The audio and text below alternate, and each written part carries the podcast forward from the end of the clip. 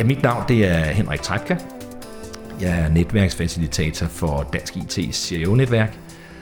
Og øh, min baggrund er, at jeg har været øh, global IT-direktør for øh, ISS i de sidste 12 år, og er nu selvstændig. Og før det har jeg været øh, i Kuwait Petroleum i 13 år i forskellige roller, blandt andet også inden for IT.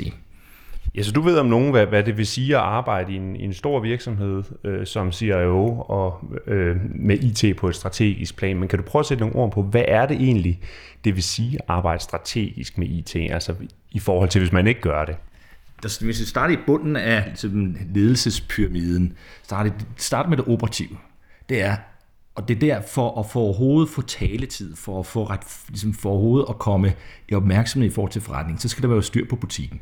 Det vil sige, systemerne skal spille. Der skal være backup, og det skal, skal køre effektivt. Det skal være rimelig fleksibelt, og man skal kunne integrere med nye løsninger øh, i løs, øh, på platformene. Det vil sige, en CIO skal gerne have styr på sine det helt basale. Infrastruktur, netværk, drift, øh, og i det hele taget den teknologiske arkitektur, for det er der ikke så mange andre i virksomheden, der bekymrer sig om. Når vi så bevæger os lidt højere op, du kan kalde det mere taktiske, men det er der, begynder at blive lidt mere strate- op mod strategisk og lidt mere langsigtet. Det begynder så at handle om arkitektur, øh, dataarkitektur, proces, processtruktur, øh, og så ikke mindst, hvor er virksomheden og forretningen på vej hen af? Hvad er det for indsatsområder? Hvordan er det, vi nu bliver customer intimacy, customer touchpoints? Hvordan får vi sat teknologi i det? Hvordan får vi samtidig med, at vi arbejder rigtig meget med kunden, så glemmer vi ikke IT, at få udviklet og optimeret vores forretningsprocesser. Så jamen, det kan være robotteknologi, det kan være i det hele taget bare at gå i skyen, eller andre effektiviseringer og standardiseringer, som er nødvendige for, for at drive driftomkostningerne ned løbende. Og nu nævner du selv nogle konkrete teknologier, nogle teknologitendenser, og der, dem er der jo rigtig mange af i øjeblikket med, med alt fra kunstig intelligens til machine learning, big data, social media, robotics øh, og automation osv. Det er det, man kan i virkeligheden fortsætte i en uendelighed. Hvordan øh, skal man gå til de her tendenser som CIO i dag, hvis det skal foregå på et strategisk plan? Og, og det er jo lidt ligesom en, øh, den store søndags buffet. Altså, der er så meget at tage sig af, og jeg må bare erkende, at for CIOs, så er vi kan ikke være mestre i alting.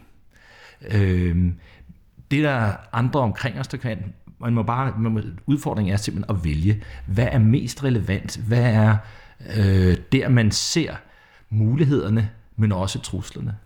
Øhm, og det bliver nødt til at være en del af det strategiarbejde, som man gør med virksomhedens ledelse. Øhm, I forhold til at vælge, hvad er det for kernekompetencer, processer, strukturer, IP-rettigheder, som er virksomhedens eksistensgrundlag. Og hvordan er det bundet op omkring IT? Hvordan er det, vi forankrer det i IT? Øhm, og hvad kan vi overlade til andre og tredje part? Hvilke kompetencer skal vi selv sidde med? Og udvikle det, og hvad kan vi få tredjepart til.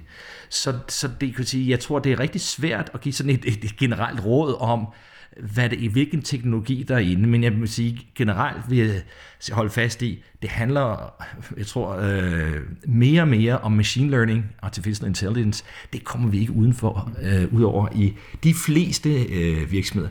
3D-print, det er der mange, øh, der kan leve uden. Øh, for andre industrier er det helt afgørende at være på top med det. Mm. Så det afhænger rigtig meget af den forretningsmodel, den digitaliseringsgrad øh, og mulighed, der er i øh, forretning og forretningsprocesser.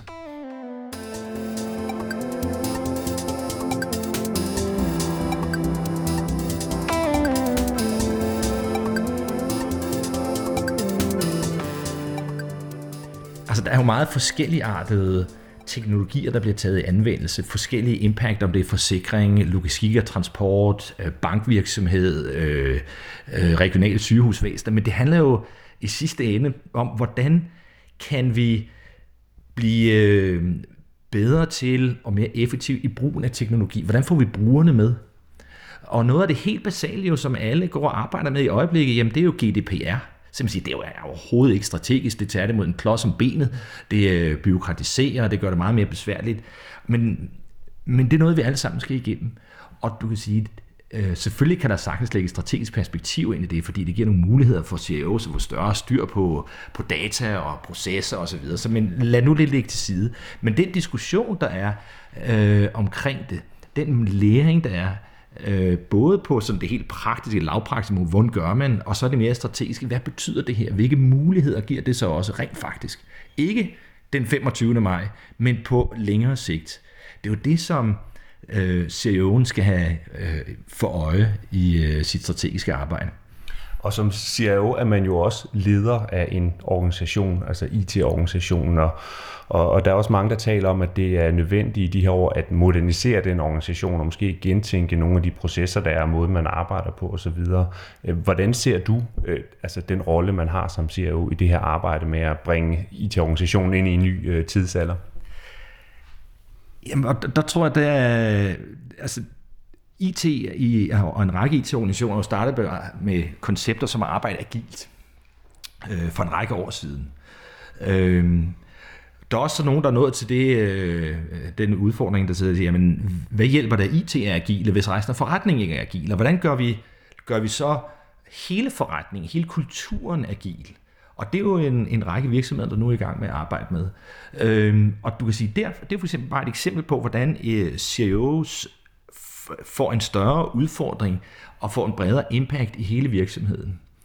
Øhm, fordi alle virksomheder har udfordringen. Hvordan kan vi gennemføre transformationer, forandringer hurtigere og mere effektivt?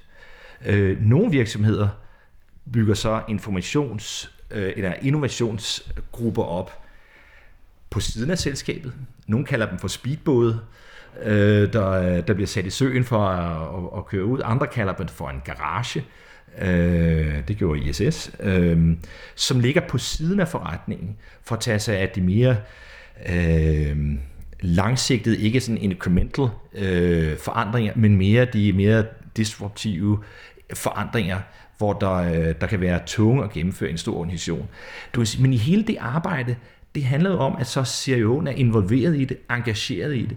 Øhm, ikke nødvendigvis ejer af det, for jeg ser ikke, at CEO bliver øh, den, der skal eje sådan disruption, eller skal eje øh, digital transformation. De er en væsentlig, væsentlig spiller i det. De er en væsentlig spiller i enablement, måske også eksekveringen af det. Men i det hele taget innovation og øh, digitaliseringsagendaen, det er en fælles virksomhedsstrategisk opgave det, øh, det hjælper ikke at ansætte, hvis CIO'en ikke vil og ikke kan, så kan man jo prøve sig med at ansætte en uh, digital officer. Det tror jeg heller ikke er løsningen. Jeg tror, det, der får vi nogle mærkelige strukturer, øh, som ikke hænger sammen, øh, hvor der ikke et, et, nødvendigvis er det rigtige fælles ejerskab. Jeg, jeg ser det bedre, at det er bygget ind, men selvfølgelig det afhænger meget af virksomhedskulturen. Øh, den situation, virksomheden er i, den ur- sense of urgency, der er i organisationen. Så der er igen, der er ikke nogen øh, fast formel, men der er nogle, sige, nogle parametre, man skal kigge på her. Og det her øh, netværk øh, hos øh, Dansk IT, strategisk netværk for CIOs, hvorfor er det vigtigt at mødes i sådan et netværk for, for CIO'er? Fordi der får vi jo netop diskuteret, hvordan gør man det så? Vi kan tage en øh, virksomhed som DFDS, de har en, øh, en øh, innovationsafdeling, Disruption, det er der også øh, en række de andre, der har. Så et af temaerne, vi har oppe her til næste møde, er det hele taget, hvordan gør vi det? Hvordan får vi succes? Hvad er man lykkes med? Og hvilke erfaringer har der været for, hvad har ikke virket?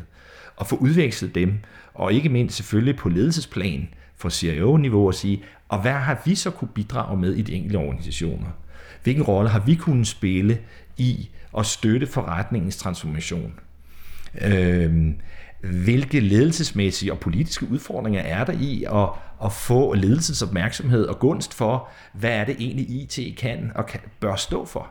Hvilket ansvarsområder ligger og bør ligge inden for IT, og hvad er det egentlig forretningen har ansvar for? De har også en stor ansvar i at drive øh, transformationer.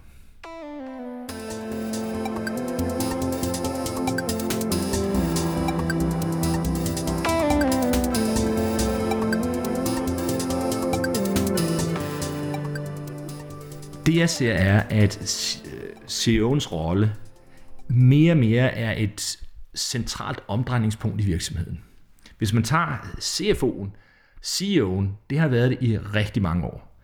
Men i, i den verden, vi ser foran os, ikke 10 år, men bare de næste 5 år frem, det er så massive ændringer på IT-området, så IT's rolle for hele forretningen er central. Og det er nyt territorium for mange.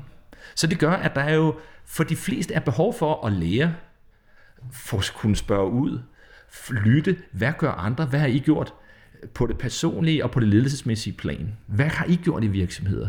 Med hvilke, eventuelt også med hvilke leverandører, hvilke projekter, hvilke software har I anvendt for at få succes på de her områder? Og der er det vigtigt jo, i min optik, at være i et rum, som Dansk IT kan stille i råd, til rådighed, for det er jo en non-profit organisation. Det er en, en faglig organisation øh, med, med dyb faglighed på masser af IT-faglige områder, og på det IT-ledelsesmæssige område. Og det er der, det frirum kan skabes for inspiration, for ny læring, og, og for, øh, for der er både noget at give, men sandelig også noget at tage tilbage til virksomhederne, mm. som er med i øh, CEO-netværket.